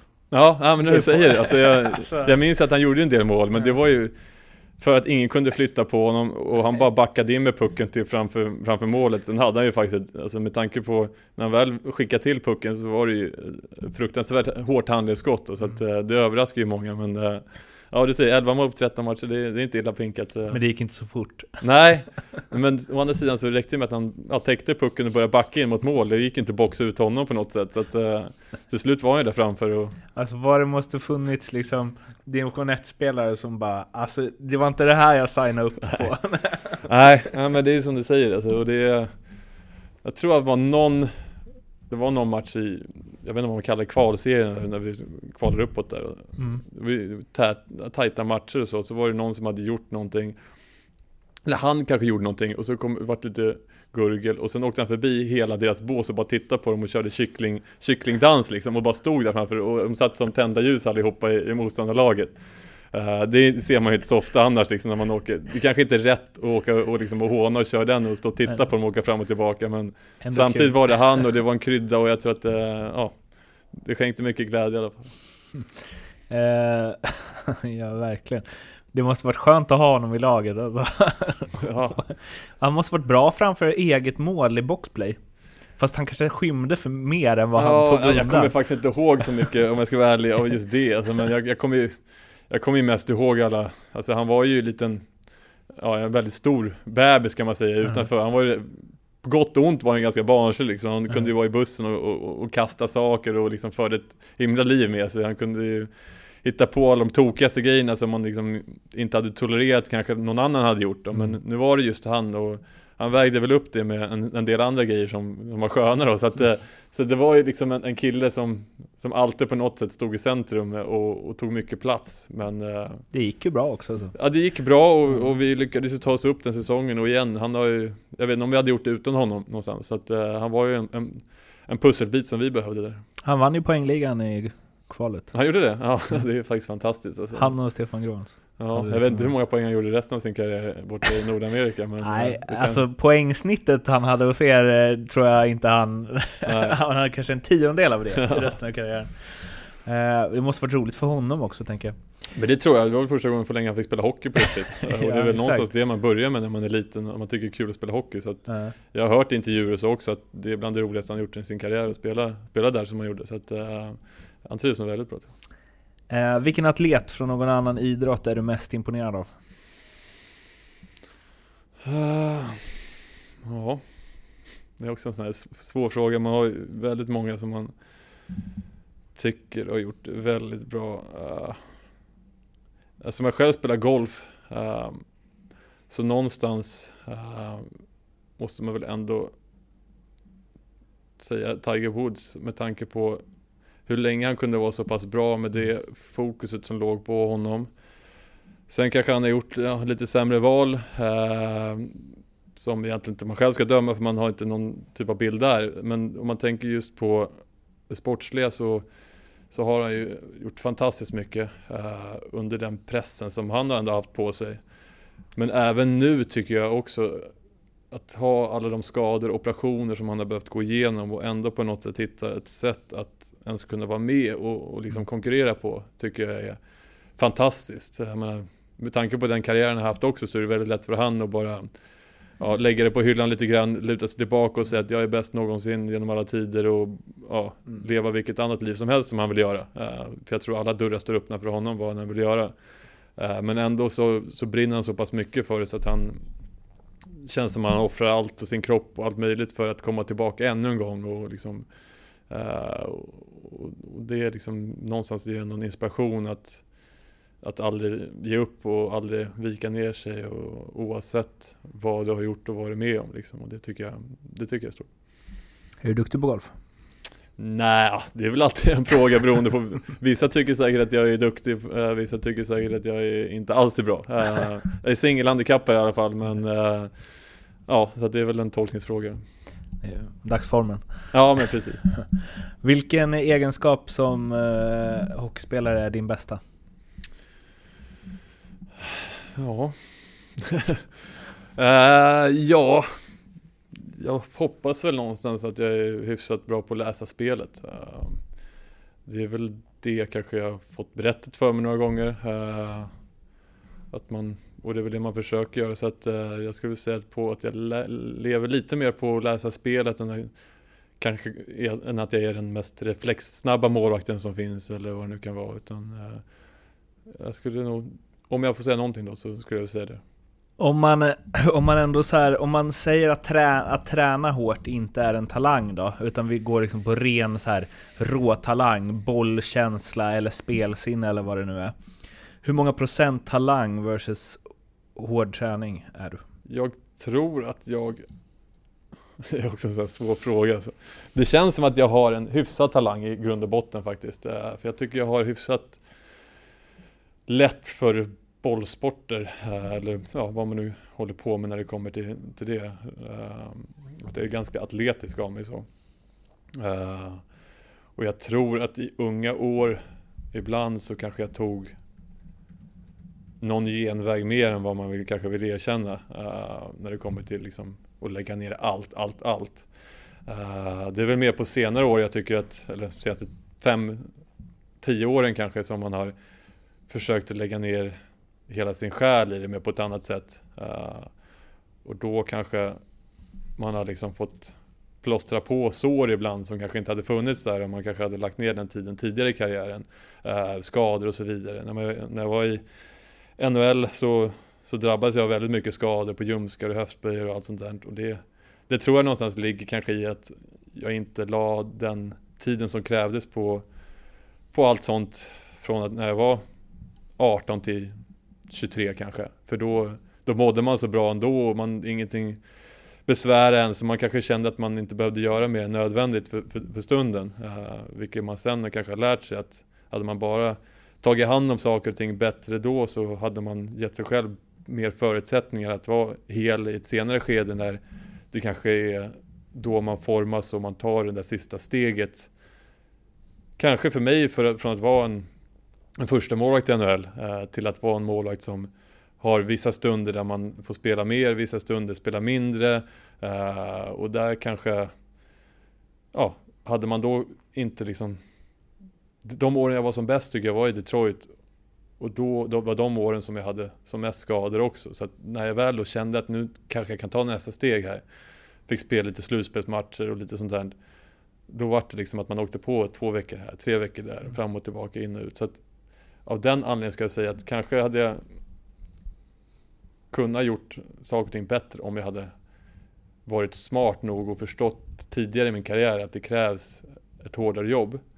Uh, så att, men å andra sidan så det är svårt att säga för att någonstans så känner jag ju liksom att nu så har jag ändå lagt ner det som krävs.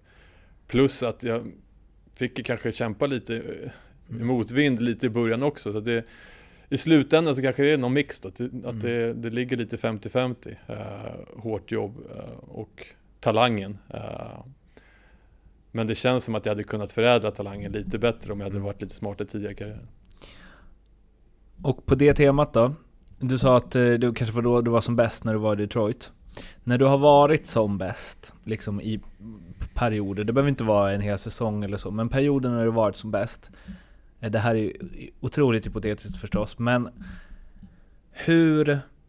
Eh, hur nära tror du att du har varit ditt max? Alltså din maxpotential. Hur nära har du varit den, tror du?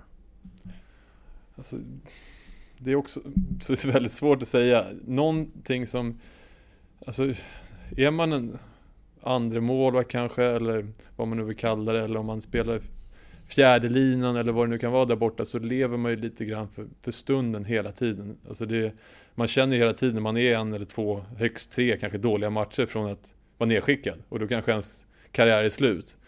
Och den pressen någonstans lever man ju med dagligen under hela den tiden man är där. Eh, så någonstans kände väl jag att jag aldrig riktigt kunde slappna av och bara spela och liksom vara, ja, inte vara så uppstressad över det utan jag försökte liksom forcera fram bra insatser snarare än att vara, kanske kunna hitta det där avslappnade stämmet som man kanske helst vill hitta. Uh, så hade, det är alltid svårt att säga, men sen vet man inte, det är kanske är det som krävdes för att jag skulle spela på topp också, att, att liksom pressa fram det. Mm.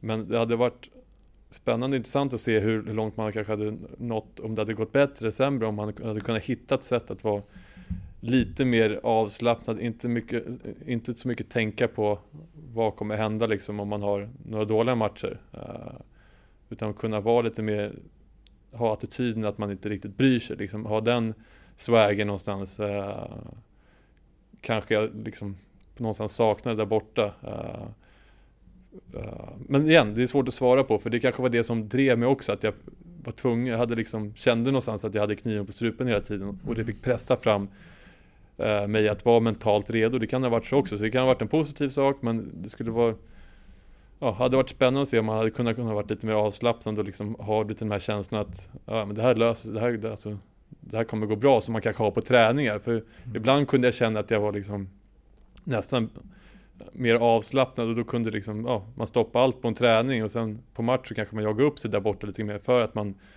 man ville behålla sin plats liksom. Så att, kanske, kanske där, där någonstans, men, men igen, det, det är så svårt, man, man kan bara spekulera i liksom om det hade kunnat pressat upp ens maxnivå lite, lite till eller om det var så att det var det som gjorde att man nådde sin maxnivå som var där man var eh, allt jag, allt jag kan väl säga i alla fall är när man var där borta att jag försökte göra allt för att hitta min maxnivå. Eh, med det sagt så kanske man försökt lite för hårt, det är väl det som är fallet. Om du med all, eh, ja du har säkert redan varit inne på det här, men eh, om du med all erfarenhet du har av hockeyvärlden idag fick ge Jonas Gustafsson, 15 år, ett tips? Ja, som jag sa var inne på lite grann då, så är det väl egentligen att eh, att liksom kanske 15, 15, ja men i alla fall börja liksom se Även om, med, med, eftersom för egen del då så var det ju mycket skador där ett tag som jag var inne på så Börja ta hand om kroppen i tidig ålder, eh, inse vad du gör utanför isen kommer påverka, om inte kortsiktigt men långsiktigt, eh, din karriär. Eh, så det är väl någonting. annars så vet jag inte riktigt om jag hade liksom gett så mycket andra tips. Så, utan jag är väl ganska nöjd med ändå att jag liksom höll i och, och liksom körde fast det inte gick av sig själv alltid alla gånger utan man Någonstans hade jag ju kul och det är det som var anledningen till att man fortsatte spela men att man, man hängde i liksom och, och det tipset kanske jag inte behöver ge då som det, det, det kommer ju av sig själv. Mm. Så, att, så är det någonting så, så är det väl liksom att uh, lyssna på, på de äldre för när de pratar om det här kommer du ha igen senare i din karriär så, så kanske det ligger någonting i det för de har redan varit där och det är väl lite av det budskap man försöker skicka runt i, i lagen nu också liksom att man det är för att du är de äldre nu. ja, tyvärr. Ja, så här är det väl så. Uh... Alltså, jag borde lyssnat mer på den som är i min ålder ja. nu. Samtidigt så vill man inte vara den som bara ska vara den där, ja, som bara ska säga åt alla hur det är och vara den där trötta, bittra gamla gubben heller. Men någonstans så, så är det väl så att uh, man har väl insett att det, den erfarenheten som de äldre hade uh, som man själv kanske lyssnade på och man trodde på men man kanske inte alltid tog åt sig det när man tänker efter på samma sätt som man kanske hade kunnat gjort. Uh, det hade jag väl försökt göra annorlunda om, om någonting då. Vem har betytt mest för din karriär? Självklart Föräldrar betyder ju väldigt mycket. Uh, hur mycket de skjutsade när man var yngre och ja, hur mycket de ställde upp. Så de är väl den största inverkan så på allt, allt jobb de la ner som man kanske tog för givet också när man var liten. Men nu när man själv är förälder så, ja, även om inte jag såg så gamla barn ändå så, så inser man ju liksom att eh, de la ju ner sitt liv lite grann för att de ja, fokuserade på en, på en annan då. Eh, så att de har man ju att tacka mycket för såklart. Eh, nu har ju båda tyvärr gått bort men eh, de eh, ja, betyder ju väldigt, väldigt mycket liksom, eh, under hela, hela hans uppväxt. Eh, sen har man ju även såklart tränare man stött på under tiden. En pojklagstränare som vi hade i många år i AIK. Eh, eh, Björn Pettersson betyder ju väldigt mycket. Liksom, och sen eh, målvaktstränaren stött sett på, kanske först och främst Erik Granqvist som var i Frö, eller, Frö, Färjestad som tog meriterna, kanske inte, som jag sa, som var kanske lite oväntat och han låg ju bakom det beslutet. Eh, så att, att, han tog mig dit och trodde på mig eh, från att vara statistiskt sett i alla fall en, en liksom mittenmålvakt lite grann i allsvenskan eh, till att få chansen där. Eh, men han såg väl någonting i mig eh, och det är jag tacksam för och han eh, hjälpte till att förädla det väldigt bra på ett bra sätt som gjorde att jag kunde få ha ett par bra år där och, och ta det som lite språngbräda till, till NHL då. Så att, eh, det var väl under den tiden som man kanske formas mest och utvecklas väldigt mycket så att han betyder ju väldigt mycket då. Sen såklart har man ju haft väldigt många på vägen också då. Men om man, om man bara ska välja någon person sådär så, så får det ju bli lite grann när man har i början av karriären så formar den lite grann. Som du uppfattar det, vad är den största allmänna missuppfattningen bland folk om hur livet som professionell hockeyspelare? Det vet jag faktiskt inte. Jag har inte reflekterat så mycket på vad de tror och tycker och tänker. Eh, jag tror väl någonstans att de det är lätt att säga att ja, det är tuffare än vad det är och det är mycket resande och si och så. Eh, men det tror jag faktiskt de flesta är ganska medvetna ja, om. Medvetna om. Så att jag, jag, annars hade jag väl sagt det men det det kanske är att de inte alltid inser vilket jobb ens partner uh, får, får, lägga ner vi har det väldigt bra som, som professionella idrottsmän, även om det finns för och nackdelar såklart, så tycker jag att det är någonting vi har valt och det finns väldigt mycket fördelar med det. Och jag, jag personligen trivs ganska bra med att resa och se nya platser och bo på hotell, liksom ingenting som och träna hårt är inte heller någonting som, eh, som jag mår dåligt av. Eh, men däremot så vet jag ju att min fru får ju dra ett väldigt stort lass. Eh, hon får när, när hon följer med till, till Nordamerika, bara ta sig dit med tanke på att hon är flygrädd och allt sånt där. Eh, sen, eh, ja, hon får ju lägga ner hennes liv lite grann med studiejobb, hon får inte jobba i USA och, och så vidare. Och när man får barn så det handlar det mycket om att de får, får ta hand om och göra grodjobbet. Så, att, så de får ju någonstans eh, leva min, mitt liv liksom. Eller hon får ju mer leva mitt liv. Så det är väl någonstans den insikten att folk kanske inte alltid inser hur mycket ja, de får göra. Och liksom vad, som, vad de får offra egentligen. För de får nästan offra mer än vad, vad vi får göra. Om du fick samla alla Sveriges sportjournalister, de har druckit någon magisk dryck som bara gör att de embracear, tar in allt och tar med sig allt du säger i deras fortsatta rapporterande. Vad säger du då? Ja, då skulle jag väl, alltså, jag vet inte om det är rätt svar på, alltså, om det är svar på frågan då, men eh, jag vill väl någonstans se att man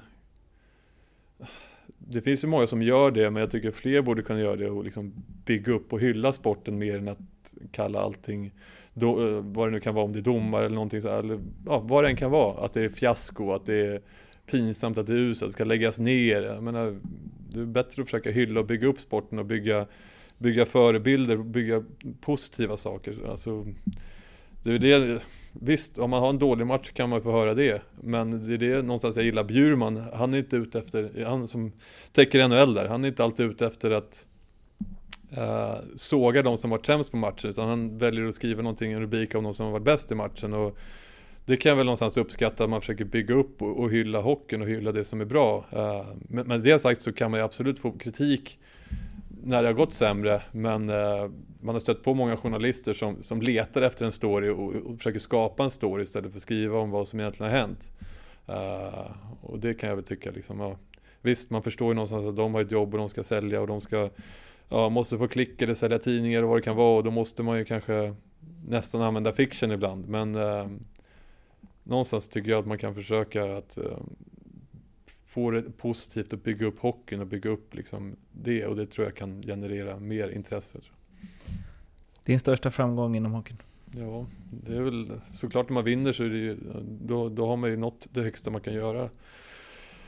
Ja, för den säsongen då, så det får man väl se som den största framgång så. Så det får vi säga Färjestad när vi vann SM-guld där. Det är väl eh, om man tänker lagmässigt så uh, största framgången som, vi gjorde, som jag var med och fick vara med och liksom påverka och själv vara en faktor på. Eh, så det, jag får väl välja det då. Sen har man ju andra saker som man tycker själv är en framgång eller man är i karriären att man har tagit sig till ja, NHL eller fått vara med och vinna OS-silver även om man själv kanske inte var så delaktig just där då. Eh, så är det liksom någonstans att man är där och är med i närheten och det är ju för att man gjort någonting bra tidigare kanske.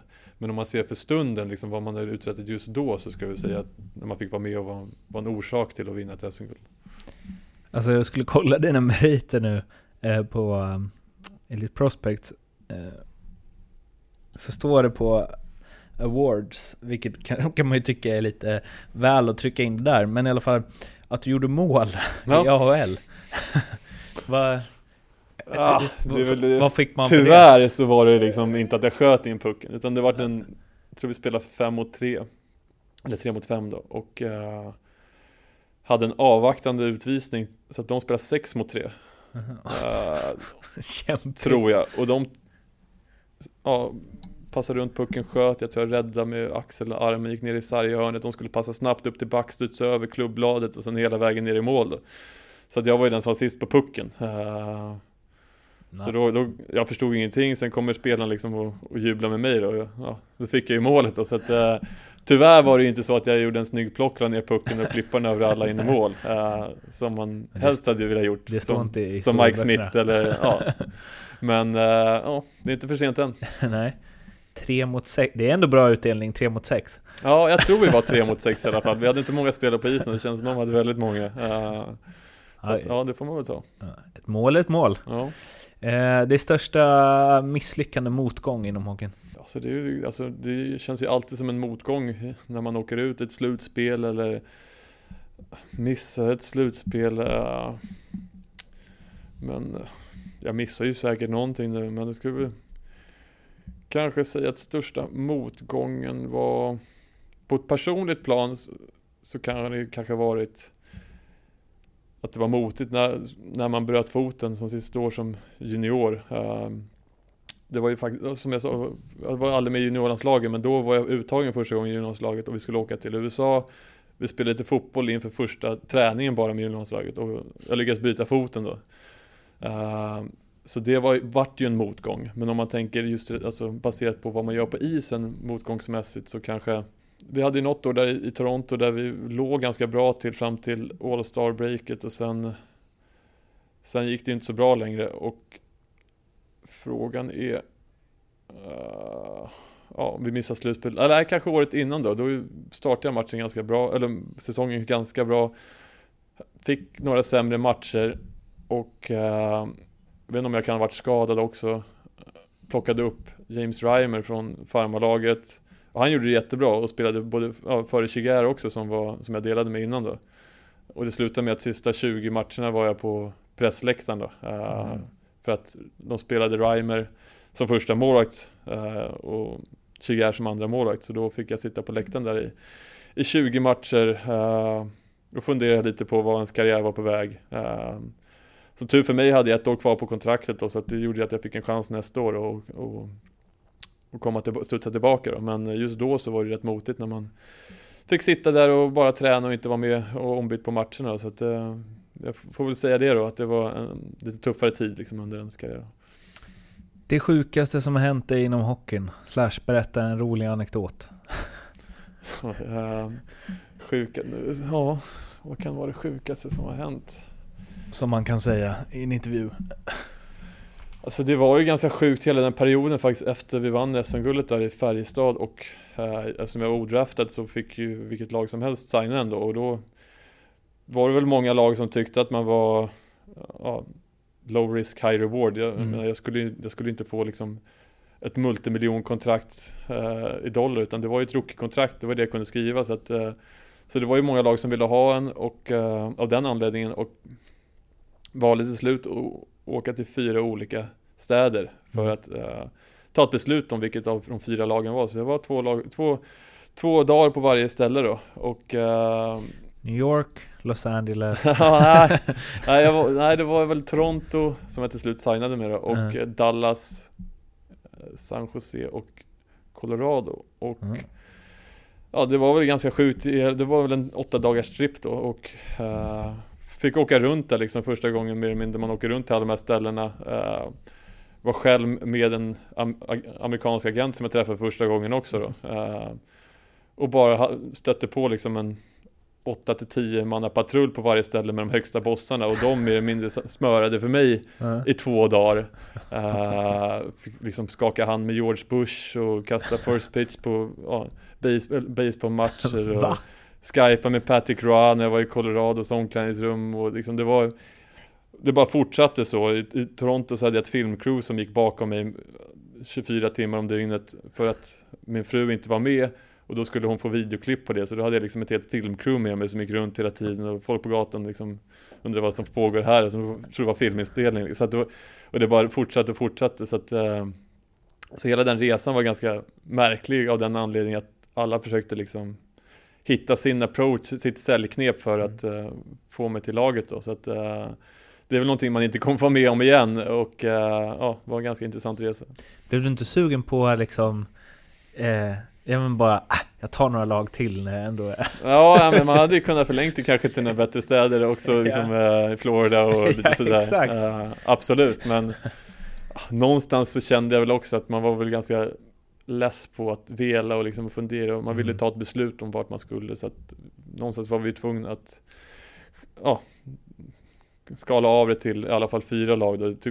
Jag tyckte det var ganska mycket bara det äh, egentligen då. För man hörde ju egentligen samma sak vart man än var. Men det är klart att det var ju, var ju, var inget fel med att ha åtta dagar fri semester och liksom inte behöva göra någonting, alla tar hand om en bara. Men man såg ju ganska snabbt sen att när man väl hade signat med Toronto så var de inte lika snälla med Då, då fick man, äh, ja, då fick man bara vara tyst och lyssna istället. Det var ingen filmteam där längre. Nej, då var det, då var det lite annorlunda. Ja, men alltså, det låter ju som en tv-serie man hade velat se. Om, ja, du, hade, det, om du hade åkt upp. Man kommer från Sverige, liksom, jag tror, när jag kom till Toronto till och med, så jag landade med flyget där så går man ju, ja, går man ut utgången där. Men jag fick ta någon sidoutgång för att det var liksom journalister som hade campat och ja, det kom liksom ja, typ VIP-personal på, på flygplatsen som plockade ut mig från planen med mig. Jag fick gå någon bakväg så att allting var ju liksom bara så surrealistiskt med, med hela alltet då. För det hade ju blivit ganska mycket ståhej om det i Nordamerika för som vi hade ganska lyckosamt slutspel där och... Var du the monster? ja men det dit? var ju det som var ja. ganska sjukt tyckte jag för jag själv kände väl att jag hade haft ganska kort framgångsrik karriär. Ja. Det var ju liksom handlade om några månader egentligen som det hade gått rullat på åt rätt håll för min del och att de hade gjort så stor grej av det redan där borta. Det var Uh, ja, det var väl för att det var Toronto just då. Uh, så att man vart ju behandlad som man var någon superstjärna i ligan redan, även om man inte hade visat eller no gjort någonting egentligen där borta. Så ja, väl, man fick ju känna på hur, hur sådana som Matthews och sånt har det varje dag, eh, mm. i alla fall i, i, några dagar, så det var väl en kul upplevelse. Om det inte hade varit liksom, om det hade varit före internets tid, då är det, det, det är ju verkligen en film. Någon har hittat på att den här killen som kallas The Monster är så sjukt grym. Alla lag vill ha honom. Och så följer man med hur det liksom... Ja. och sen första matchen på is bara... Ja, eh. en bluff bara liksom. Ja, ja men det, det, är klart att det kom ju mycket press och stress med allt det här. Det var ju himla, alltså jag ville inte att det skulle bli så uppskruvat och det kändes som att jag fick mer uppmärksamhet än vad jag förtjänade någonstans. Men samtidigt så var det ju för att det, det dröjde med beslutet vad jag skulle spela och framförallt för att Toronto var inblandade. För det är en mm. hockeystad som skriver om allt, allt som går att skriva om. Eh, de hade inte haft så mycket framgång eh, i organisationen senaste tiden och det var väl en av få möjliga ljuspunkter tänkte de då. Så då, då byggde de upp mig på något sätt som kanske inte riktigt var realistiskt. Uh, så att, Ändå uh, häftigt att ha varit med om. Alltså. Ja, ja, men precis. Så det är, det är klart att man får ju med sig ja, mycket minnen av det i alla fall mm. då. Och, uh, men sen om det kanske var liksom det bästa att sätta den pressen på, det vet Nej. man ju inte. Men ja, man försökte inte tänka på det. Om du, nu måste du blicka framåt här. Mm. Om du helt och hållet får bestämma hur din sista match i karriären ska vara. Hur gammal du är, vad du spelar och vad som händer i matchen. Sky's the limit. Ja, det, ja. att sätta en ålder tycker jag är väldigt svårt. Alltså det, det, men det, det är väl som alla, alla vill avsluta med att vinna sista matchen och, och få liksom lyfta en buckla och, och känna att man är, ja, man har liksom bara tömt ur det sista och slutat på topp någonstans. Eh, det har väl, det tror jag är många som säger det i alla fall. Men eh, så att, Sen ålder tycker jag är svårt att sätta. Jag, jag, jag, tänker inte på mig själv som om jag är 34 eller 44 eller 24 utan uh, jag ser mig bara som en människa, som en individ som, som får chansen att spela hockey just nu och uh, ja, men det är väl framförallt att man vill stå och vill liksom känna att man har njuta av att man har, har lyckats tillsammans med en grupp och en organisation och, och få känna den glädjen tillsammans med ja, ja, igen, all, alla som jobbar runt omkring, fans, vad det nu kan vara och liksom få känna att ja, nu har man, har man gjort det och, eh, och nu kan man luta sig tillbaka och njuta. Liksom. Det, så skulle det vara skönt att få sluta. Och, och sit, sätta sista i öppen kasse? Ja, det är väl om jag ska vara ärlig inte någon, någon dröm jag har så, men eh, det skulle inte vara mig emot. Om Snyggt ju! Det sista du gör i karriären är att Ja. göra mål i en final. ja, det är väl antingen det eller man får komma upp och göra en, en avgörande stor räddning Ja. såklart sista sekunden så. så att, eh, men eh, å andra alltså det är väl egentligen, för mig handlar det inte så mycket just nu igen som jag var inne på att det ska vara liksom jag som individ som, Mm. som känner att jag måste framhävas utan Snarare att jag kände att det skulle vara häftigt att få, få uppleva någonting med, med en grupp, liksom, med en hel organisation, med sina lagkamrater och få liksom dela den glädjen med allihopa. Sen måste det inte nödvändigtvis vara så att jag gör någonting som gör att allt fokus hamnar på mig, utan snarare få, få känna glädjen som man fick känna när man fått vara med och vinna i en grupp. Eh, det är väl att sluta med det, det, det är väl så som jag känt att jag skulle vilja sluta. Eh, sen hur det ser ut är inte riktigt lika viktigt faktiskt. Slutligen, vilken SHL-spelare, ledare, före detta spelare tycker du att jag borde intervjua i den här podden? Jag har gjort ganska många i och för sig, men Ja, Jag vet inte vilka du har intervjuat Nej, än. men- Eh, kör några namn. Så. Det är lätt att säga de som liksom alla vet om. Eh, Andrew Gordon verkar vara en god kille. Ja, eh, absolut. Eh, Jag försöker backa tillbaka bandet Aha, långt aha, tidigare. Eh, Det står helt still nu alltså. Men eh, försöker tänka. Har du numret till George Laraki? Ja, men du sa det SHL-spelare. Annars hade jag kunnat ta honom. Uh, försöker tänka Färjestad om det var någon den gamla tiden som, som bröt lite mönster. Uh, Pelle Pressberg var ju rätt rolig spelevink. Uh, Frögren var också en skön individ alltså. Uh, kanske Micke Johansson. För han eh, kanske inte alltid man kunde, jag kommer ihåg när man spelade med han så gillade han kanske att hålla sig för lite för sig själv. Eh, men han var en riktigt god bit när man väl eh, liksom kom innanför murarna så att säga. Och han öppnade upp sig. Så att, och, eh, han skulle jag kunna tänka mig skulle kunna ha lite sköna kommentarer och jag tror att han har fått vara med om lite när han har varit runt lite i Schweiz och lite sådär också. Eh, kanske Micke Johansson. Mm, bra tips, för jag tror också, jag intervjuade honom några gånger när han var i Leksand där.